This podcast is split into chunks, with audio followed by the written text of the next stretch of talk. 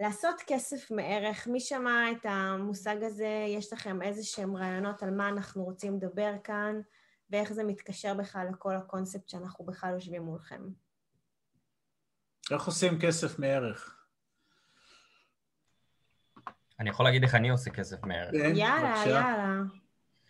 אה, אני לפני שבע שנים בערך עשיתי קורס בשוק ההון, mm-hmm. ועד היום אני סוחר, דיברנו על זה גם, לא יודע אם אתם זוכרים. כן, כן. ועבדתי באחת המכללות היותר גדולות בארץ, שמוכרים קורסים. הייתי איש מכירות של קורסים, כמעט שנתיים.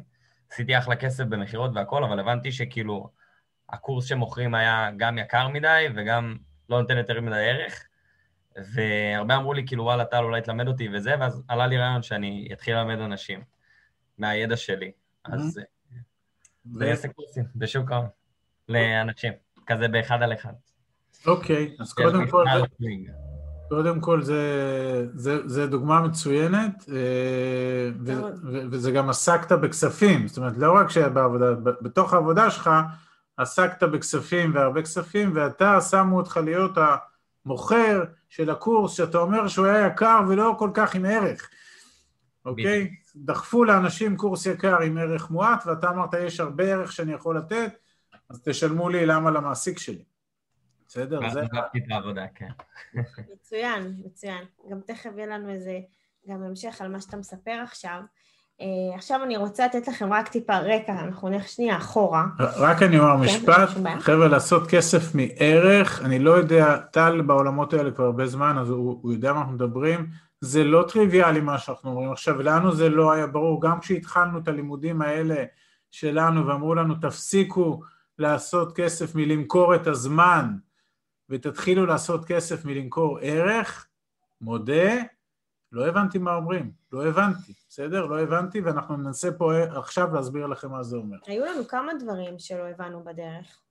כן, אה, נכון, נכון. כמו אה, כסף על הרצפה, או שההזדמנויות שקיימות מסביב, ואמרנו איזה הזדמנויות, כאילו, מה, הם מדברים? איפה יש הזדמנויות? אנחנו לא רואים את ההזדמנויות. לא אנחנו לא רואים כי היינו עיוורים להזדמנויות, כי לא ידענו שצריך לחפש ומה זה כסף על הרצפה? למה אני, מה אני, שאני אמצא כסף? מה זה אומר כסף על הרצפה? באמת, כאילו ברמה כזאת, עד שאנחנו לאט לאט מתחדדים ומבינים.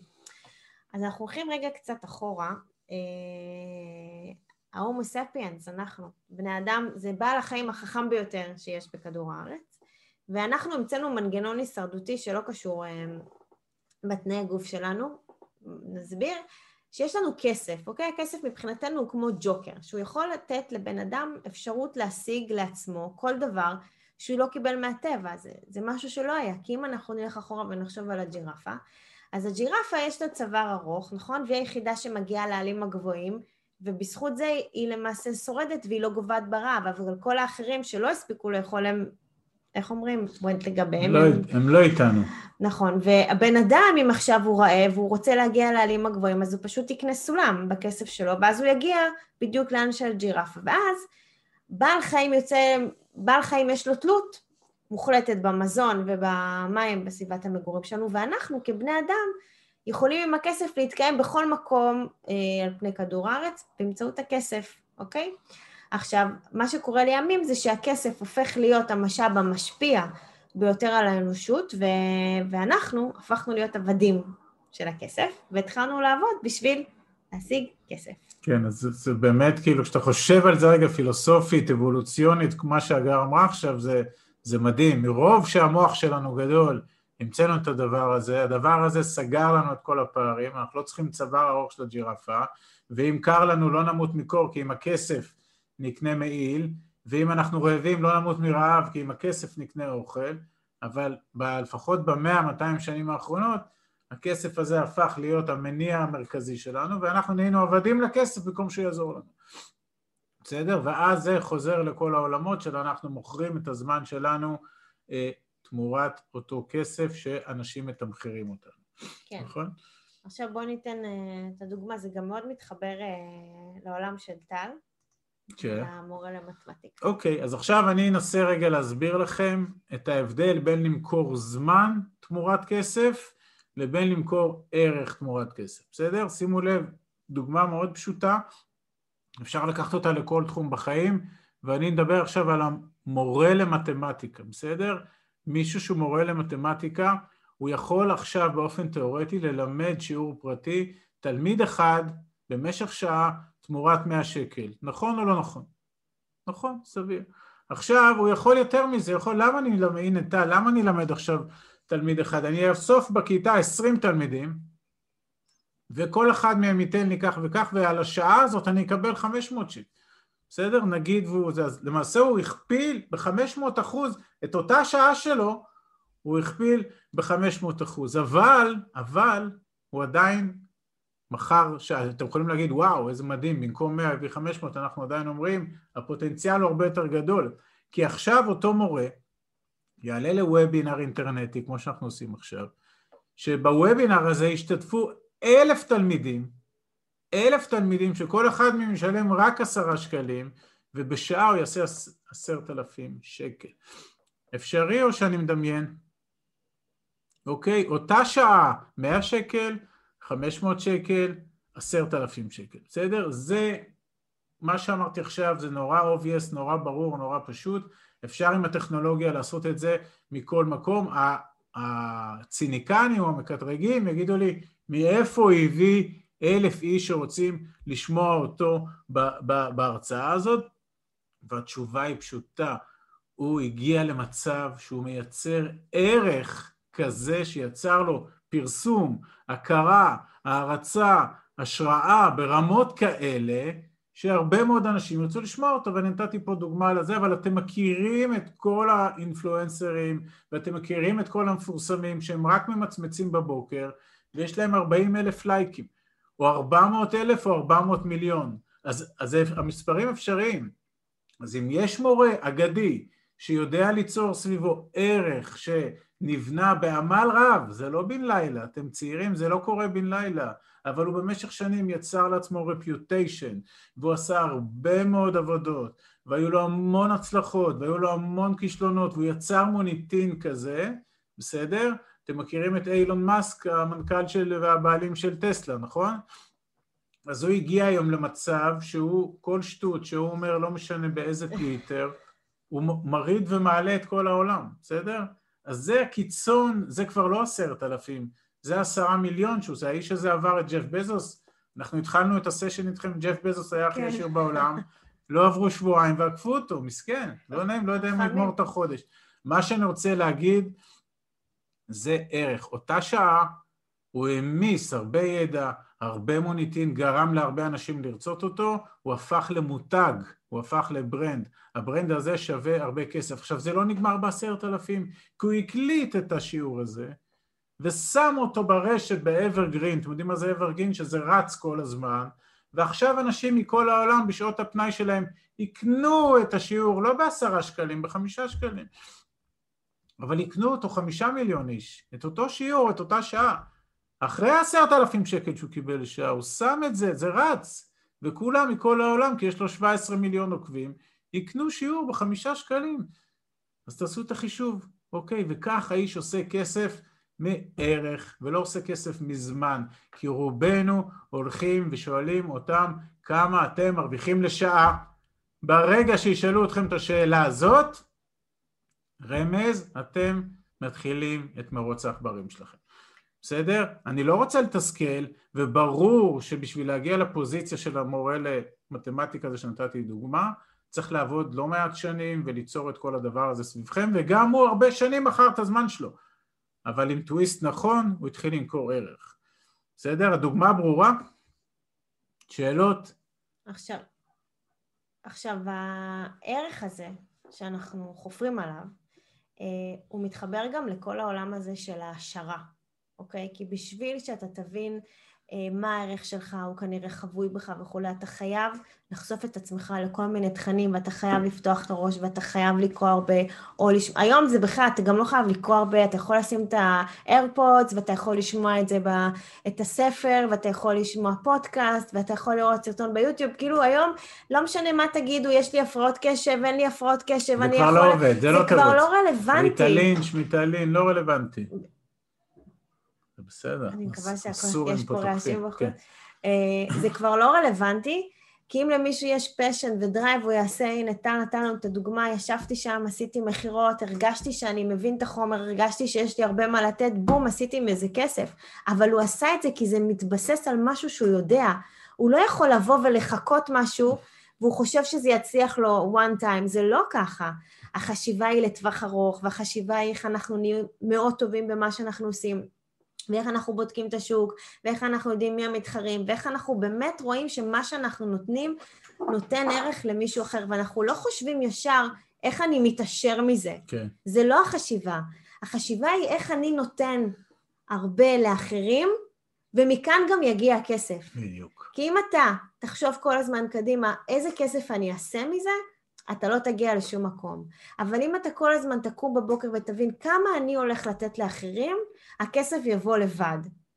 וזה, אמ, זה גם, זה חלק מהטרמינולוגיה, זה צריך להשתנות בראש, כי לפעמים אנשים קמים וחושבים שהם הולכים לפתוח את הדבר הכי מיוחד שיש, או את הסטארט-אפ הכי מיוחד שיש, והם לא יושבים רגע לחשוב באמת כמה הם הכניסו לשם את הנשמה ואת הערך ואת הידע וכמה הם עבדו בשביל זה, והם רצים קצת יותר מדי קדימה ומפספסים את כל הסיפור. אפשר לסכם את זה ממש, ב, אם רוצים לדעת איך לעשות כסף, אולי בארבע מילים. זה לתת תוכן ערכי רציף, בסדר? מי שיודע לתת סלש למכור תוכן, תוכן ערכי, שזה הערך, באופן רציף, שיענה לכמה שיותר אנשים על כמה שיותר בעיות, מצוקות, כאבים, הוא יעשה כסף והמון כסף. בסדר? כן. שמונה מיליארד איש, לכל אחד מהם יש ארנק בכיס. אתם זוכרים שדיברנו באחד הפרקים הקודמים שאין דבר, לא חסר כסף בעולם. אז ככל שנדע לתת ליותר אנשים מזור לכאבים שלהם, וזה יהיה בצורת תוכן וערך שניתן להם לאורך זמן, כל הזמן, כל הזמן, כל הזמן, אז נדע לעשות מזה כסף. זו צריכה להיות החשיבה, וכמו שאמרנו, כל אחד צריך למצוא את ה-added value שלו, איפה הערך שלו. אז טל כרגע, לצורך העניין, אה, הבין שהוא עושה 7-8 שנים שוק ההון, הוא מבין בזה כנראה, הוא התנסה בזה, הוא התגלגל במחבה שגרמו לו להיות איש מכירות, זה גם לימד אותו המון, כי הוא למד לדבר עם אנשים, הוא שמע מה נכון. ההתנגדויות שלהם, מה הם חוצים, איפה כואב להם, זה שפשף אותו, שפשף אותו, ליטש אותו, זיקק אותו, ואז אמר, הבנתי, את הידע יש לי, את ההבנה מה אנשים רוצים יש, את התוכן אני אתן להם, ומזה הוא יכול לעשות כסף. בסדר? כך עושים אני, כסף. אני אוסיף גם, כמו שאמרת, זה... כי זה קשה גם לעזוב את זה, כי כמו שאמרתם שיש לכם עבודות שהן אה, נהדרות ופנסיה תקציבית והכול, mm-hmm. אז אם אנחנו כבר לא מתביישים לדבר על כסף, אז אני אדבר הכי פתוח, הייתי עושה גם משכורת של 30 ו-40 אלף שקל, mm-hmm. ובגיל כזה זה כאילו, וואו, כאילו, למה לעזוב את העבודה, מה, אתה דפוק? כאילו, כולם אמרו לי, מה, אתה מפגר? Okay. אוקיי. אה, אבל הבנתי שכאילו, אם אני יושב עם בן אדם ובאמת נותן לו את מה שאני יכול לתת, וראיתי איך נראה הקורס לעומת מה שאני יכול לתת, וכמו שאמרת, כמובן, מכירות, משא ומתן, דבר עם אנשים והכול, זה ה-added value מהעבודה עצמה. Mm-hmm. אז בטווח הארוך, כאילו, אני מוצא את עצמי גם יכול לעבוד וגם אה, ללמוד עכשיו גם תואר ולשלב את הכל ביחד ולנהל את הזמן שלי, אה, וזהו. וזה, וזה חוזר לשלושת אלפים שקל שפתחנו, שמי שהרוויח שלושים אלף כנראה לא מתרגש מהשלושת אלפים. עכשיו הוא, טל ואתם באותו זה, הוא לא, אה, אין לו שם עוד כרומוזומים, בסדר? הוא כמונו. רק הוא הבין, הוא היה, ויש לו added value ויש לו ידע, ולכן המלצתנו, הצעתנו לכל אחד, לשבת עם עצמו, אגב זה לא אירוע שצריך, הוא עלול לקרות בדקה או ביום או בשבוע, אבל כן לבצע חשיבה במה אני מאוד מאוד טוב, או יודע מאוד טוב, מאוד נוח לי בו, אני מרגיש שיש לי פה added value, את זה להתחיל ללטש, ללטש, ללטש, ללטש, ואז שזה נהיה יהלום, יבואו אליכם לקנות את היהלום. בסדר? אם אני עושה את זה ציורי, זאת החשיבה שצריכה להיות לכם בשביל לעשות כסף. היום אנחנו נפגשים עם זוגות שהם כבר uh, חצו אותה, נגיד, את החמישים, אוקיי? והם עובדים באיזה שהם משרות, אבל פתאום הם מספרים לנו על איזה פשן שהיה להם, או פתאום uh, מישהי הולכת להיות קונדיטורית, או מישהו הולך להיות עכשיו, uh, טוב, עכשיו המדריך טיולים קצת לא רלוונטי, אבל אם נלך לטרום קורונה, אז הם רוצים להיות איזה מדריך טיולים, וכל מיני כאלה. שהיו, שהיו בגיל שלכם, רצו מאוד לעשות, אבל אז החיים האמיתיים באו והתנגשו עם הפשן, ואז הם הזיזו את זה הצידה, אבל הזמן עובר, והפשן לא נעלם, כי ברגע שאתה, יש לך משהו בפנים, אתה לא יכול להתכחש אליו, אתה, אתה, באיזשהו שלב אתה תוציא אותו החוצה, ופתאום הם גם הופכים את זה למקור פרנסה. אז uh, כמובן שאתם בלימודים, וזה חשוב והכול בסדר, אבל אל, אל, אל תיתנו לחלומות שלכם, אל תשימו אותם בצד, ובאמת תראו איך אתם מטפחים אותם תוך כדי. כמו שאמרנו, להשקיע בעצמכם זה אחד הדברים החשובים ביותר. אז בתוך ה-24 שעות, ואחרי שאתם מסיימים את ה... מה שיש לכם בכלכלה, וכל התקופת המבחנים הזאת, בסדר, אנחנו איתכם, זורמים איתכם, אתם גם מפנים זמן לעצמכם. עשר דקות, עולים לחצי שעה, עולים לשעה, כמו שאמרנו, אתם שמים את האוזניות, אתם נוסעים באוטו, אתם עושים מה שאתם עושים, ואתם מתחילים להעשיר את עצמכם. לא לפספס את זה, זה חשוב, ואנחנו לא נוותר על זה, אנחנו גם נדבר על זה כל הזמן. אין הולד לחלומות. לא. עכשיו, אחרי שאנחנו מדברים על המורה הזה למתמטיקה, אנחנו אומרים, בסדר, אז עכשיו הוא באמת מתחיל לעשות כסף, אבל איך אנחנו מה, מהכסף הזה מצמיחים עוד כסף? ועכשיו אנחנו לוקחים אותו אל המאמץ המלחמתי שכולנו באנו בשבילו, ואנחנו רוצים להמשיך אה, להגדיל את ההון, וכל זה מתחבר לתודעת שפע, אוקיי? והגישה שלנו היא, היא זה לצרוך כמה שפחות מהכסף האקסטרה שאנחנו עושים, אוקיי? ממה שאנחנו מרוויחים. זה לא אומר שעכשיו, וואו, הכנסתי עוד אלף שקל, חמשת אלפים שקל, לא מעבודה שלי ומדברים חדשים, ואני הולכת עכשיו אה, לאיזה חופשה, גם זה לא רלוונטי עכשיו, אז אני עושה איזה קניות במשהו, לא, ממש לא. אני לוקחת את הכסף הזה לרפת, אני לוקחת אותו בשביל להגדיל את ההון שלי, אני לוקחת אותו בשביל להכניס אותו לתחום ההשקעות. עכשיו, אה, אנחנו מאוד מתחברים כאילו לאמירה הזאת שאנחנו חייבים באמת כל הזמן להשקיע את הכסף שלנו, כי אנחנו מבינים שממנו אנחנו נצמיח עוד ועוד כסף, ויש אנשים שאתם יודעים, חיים אומרים כאילו אין מחר, מכירים את המשפט הזה, אני חי כאילו אין מחר, אני עושה זה, אבל מה, ש, מה שלמעשה המשפט הזה אומר, שהם הם, הם, הם, הם משעבדים את העתיד שלהם, אוקיי? הם פשוט, במשפט הזה, הם שיעבדו את העתיד שלהם להיות, כמו שאמרנו, עבדים ולחזור וזה, ואנחנו אומרים שזה גם, אה, הגישה הזאת נכונה לכל בן אדם, בכל שלב בחיים ובכל רמת השתכרות. כי בסוף, כמו שאמרנו לכם, זה טרמינולוגיה, כי אם אנחנו לא מדברים חבר'ה בני 20 פלוס, אנחנו מדברים חבר'ה בני 30 ובני 40 פלוס שכבר נמצאים במסלול הזה של העבודה, גם איתם אנחנו שואלים, האם בדקתם את ההוצאות הכנסות, האם אתם מצליחים לחסוך איזה 3,000 שקל בחודש, אנחנו שואלים אותם את השאלות האלה, ופתאום אומרים, אה, וואי, באמת, אם אני, את זה אני אעשה ככה ואת זה אני אעשה ככה. אומרים להם, אוקיי, הנה, הפרה הראשונה שלכם מתחילה לצאת לדרך. כאילו, בואו נסתכל זה, ואז באמת עוד פעם זה חוזר לתודעת שפע וכמה אנחנו צריכים להפנות לטובת ההשקעות. ואנחנו קראנו לזה, אה, לכולכם כנראה היה או יש תלוש שכר, כן, למי שעבד איפשהו קיבל תלוש שכר, ואז אנחנו אומרים למה זה נראה לכם לגיטימי שאתם משלמים את המיסים למדינה הקבועים בתלוש השכר, אוקיי? למה זה לגיטימי? אבל זה לא לגיטימי לשלם מס לעצמכם. חשבתם על זה פעם? כאילו, ה... נכון, יורד בתלוש שכר, תסתכלו, מי שיש לו תלוש שכר, אני מקווה גם שבדקתם את התלוש שכר, כי זה חשוב לדעת לאן מפנים לכם את הכסף, אה, למה לא לעשות מס להשקעות? כאילו, למה תחייבו את עצמכם לעשות מס לטובת השקעה? זה אותם שלושת אלפים שפתחנו איתם, לצורך העניין, או ששת אלפים או עשרת אלפים, או אם אני מרוויח שלושים אלף ואני כרגע בלי משפחה, בלי התחייבויות, בלי זה, אז אולי יש פה כמה שנים שאני יכול לצבור פה הון יחסית מהר, אני אקצה עשרים אלף שקל בחודש לה, להתעצמות, להשקעות, בסדר? זה, זה, זה אמירה, אם נורא קל, התרגלנו נורא בקלות לשלם, אתם עוד צעירים, אבל שתיכנסו רגע למעגל העבודה, והמשכורות שלכם יעלו, אז אתם תראו שבסופו של דבר בערך אנחנו משלמים 50% מס. Mm-hmm. זה אומר בעברית שמינואר עד יוני אנחנו עובדים בחינם, בסדר? יש 12, 12 חודשים, mm-hmm. ינואר עד יוני, פרו בונו. נתנו למדינה, יולי עד דצמבר. אה, זה כיף. בסדר? גם הדובים בכותב, נכון, חצי שנה ישנים וצריכים זה, אבל אנחנו חיים 12 חודשים. התרגלנו לזה, סבבה. אבל אם כבר משלמים למדינה, אז צריך להיות גם מס אישי. המס האישי הוא הולך להשקעות, לעשות את המנגנון, כדי להגדיל את ההון, כדי להביא את עצמנו לפוזיציה שעם התלוש או בלי התלוש, אנחנו חיים כמו מלכים ולא כמו עבדים. גם פה זה מתחבר לעוד, אה, אנחנו קוראים לזה זרקור, שאומר, מי אמר שהנטו, אוקיי, בסוף הנטו קובע לכם את האיכות חיים.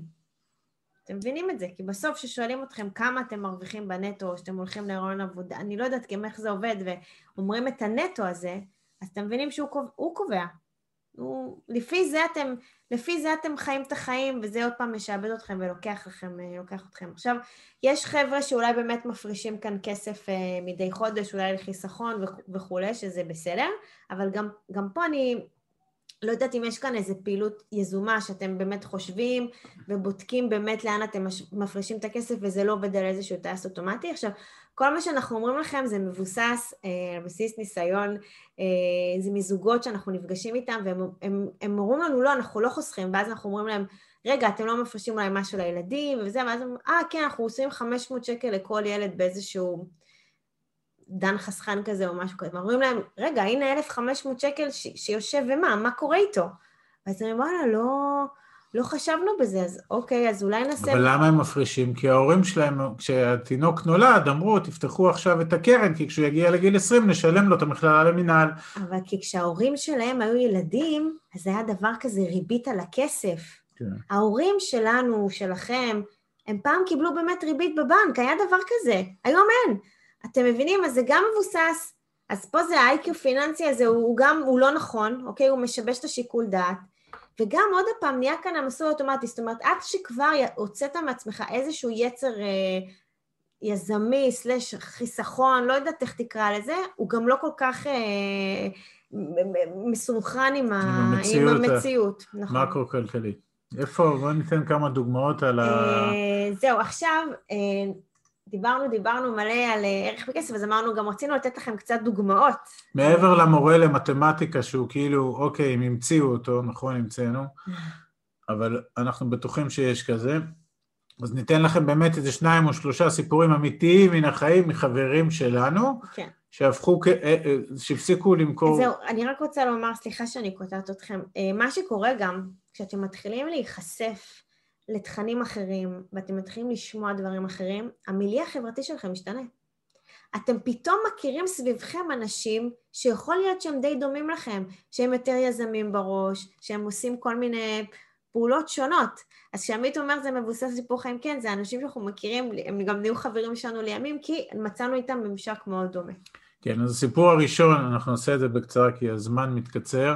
חברה טובה מאוד שקוראים לה שרון, שהיא אושיית קולינריה בפריז, יש לה מעל 500 אלף עוקבים מכל העולם, והיא ובת זוגה, זוגתה אה, עושות, עושות אה, סיורים קולינריים בפריז, אני מניח שאפילו בטח יש פה כמה שמכירים או שמעו, מאוד מאוד מפורסמת, ועד מרץ 2020 הם היו עושות באמת סיורים בכל הפטיסרי והבולונשרי והשוקולדים והריבות, כל מה שפריז יודעת להציע, ואני אגיד לכם שהיא יודעת להציע, הייתי שם כמה שנים, ואני כנראה עוד אהיה שם, והן עושות ציורים כאלה, ובמרץ 2020, שהם כבר, היומן שלהם שלושה ארבעה חודשים קדימה כבר מלא בסיורים, מגיעה הקורונה, הן אושיות רשת, הן אושיות ברשתות חברתיות, והם הבינו לפני חודשיים, שלושה, ארבעה, שהן יכולות לעבור ולעשות את הסיורים האלה דיגיטליים, אינטרנטיים, וירטואליים, בפייסבוק. בפייסבוק, live, והם עכשיו כמעט כל יום שישי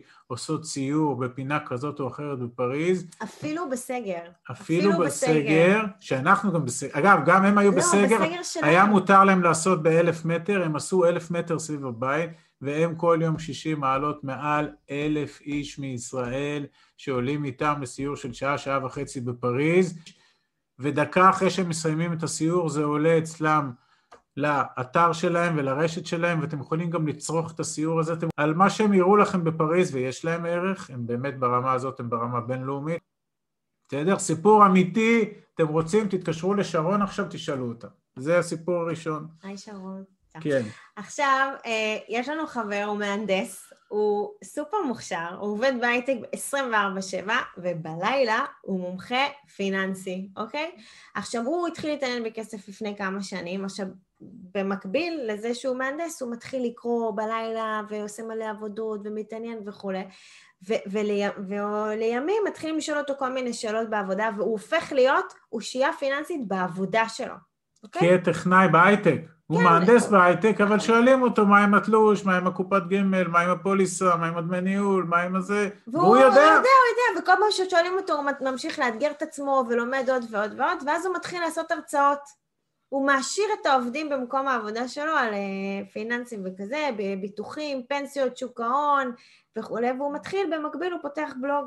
לא קטן, והוא מתחיל אה, לכתוב בו ולהשאיר ולתת ערך שאנחנו מדברים עליו כל הזמן. נותן ערך, ערך, האיש לא פראייר. הוא יודע מה הוא מדבר. איך הוא יודע? הוא למד. למה הוא למד? זה עניין אותו. בדיוק. שי בדיחי, עמית? אה, שי בדיחי, אלוף. האיש והאגדה. בואו נקצר את זה. יש לו היום, הוא עם, עם עוד שותף, יש להם קבוצה מעל 50 אלף איש, ידע שווה כסף או משהו כזה, ו, והאיש עכשיו גם עשה עם השותף שלו אה, קורס אה, על שוק ההון, ובאמת ישבו חודשים ארוכים ושמו הרבה מאוד ערך בתוך אה, מכשיר דיגיטלי פיננסי שלמעשה כל אחד יכול לקנות.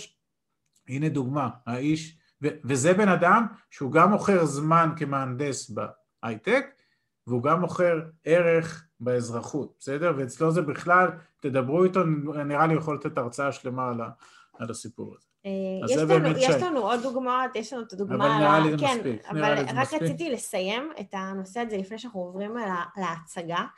אה, אין שחקנים, סתם, כן?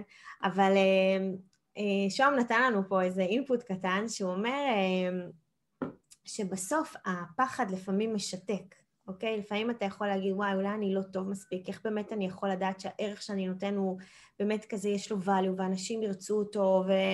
ואז עוד פעם אנחנו משתבללים ונותנים לפחד לנצח, אבל העניין הוא שהעלות של הטעות במקרים שאנחנו סיפרנו לכם כרגע היא מאוד נמוכה. כי זה לא שאמרתי לכם בואו עכשיו תעשו מסעדה, אוקיי? ו- מיליון שקל ושימו, שיפוץ. ושימו שיפוצים ותשימו כסף ותחשבו שאתם עם הקונספט הכי מהמם על המסעדת... אה, פלאפל? או סושי, או אתם יודעים, משהו שהכי אין עכשיו וכולי, ואז וואלה, לא עבד. הלוקיישן לא היה טוב, התוכנית עסקית לא פותחה כראוי. הגיעה קורונה. באה קורונה, לא, לא הייתי ערוכה מראש, מישהו קיבל אצלי איזה אלרגיה, אני יודעת מה יכול להיות. העלות טעות שאתם, בנישות שאנחנו דיברנו איתכם עכשיו על שני חבר'ה שעשו את הכל ברשת, היא מינורית. אני ועמית, אותו דבר. זה מה שאנחנו עושים. אנחנו פתחנו יום אחד את היוטיוב והתחלנו להקליט תכנים. אנחנו יום אחד עשינו אתר, אנחנו יום אחד ענינו על שאלות בפייסבוק, זה מה שעשינו. ראינו שאלה וכתבנו, אנחנו עשינו ככה, אנחנו עשינו ככה. מה, באמת? מה עוד עשיתם? וזה התחיל לייצר, ותוך כדי אנחנו מבינים, הנה, הערך שלנו תופס תאוצה.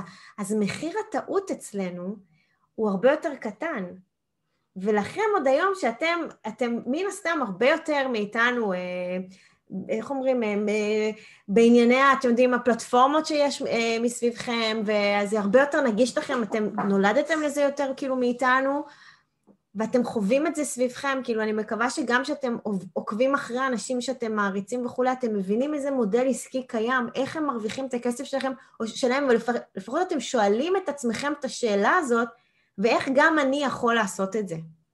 תמיד תשאלו את עצמכם. ולאט לאט אתם תצליחו גם לפרק את הפחד ולפרוץ. מקסים. מקסים. מקסים ואותנטי.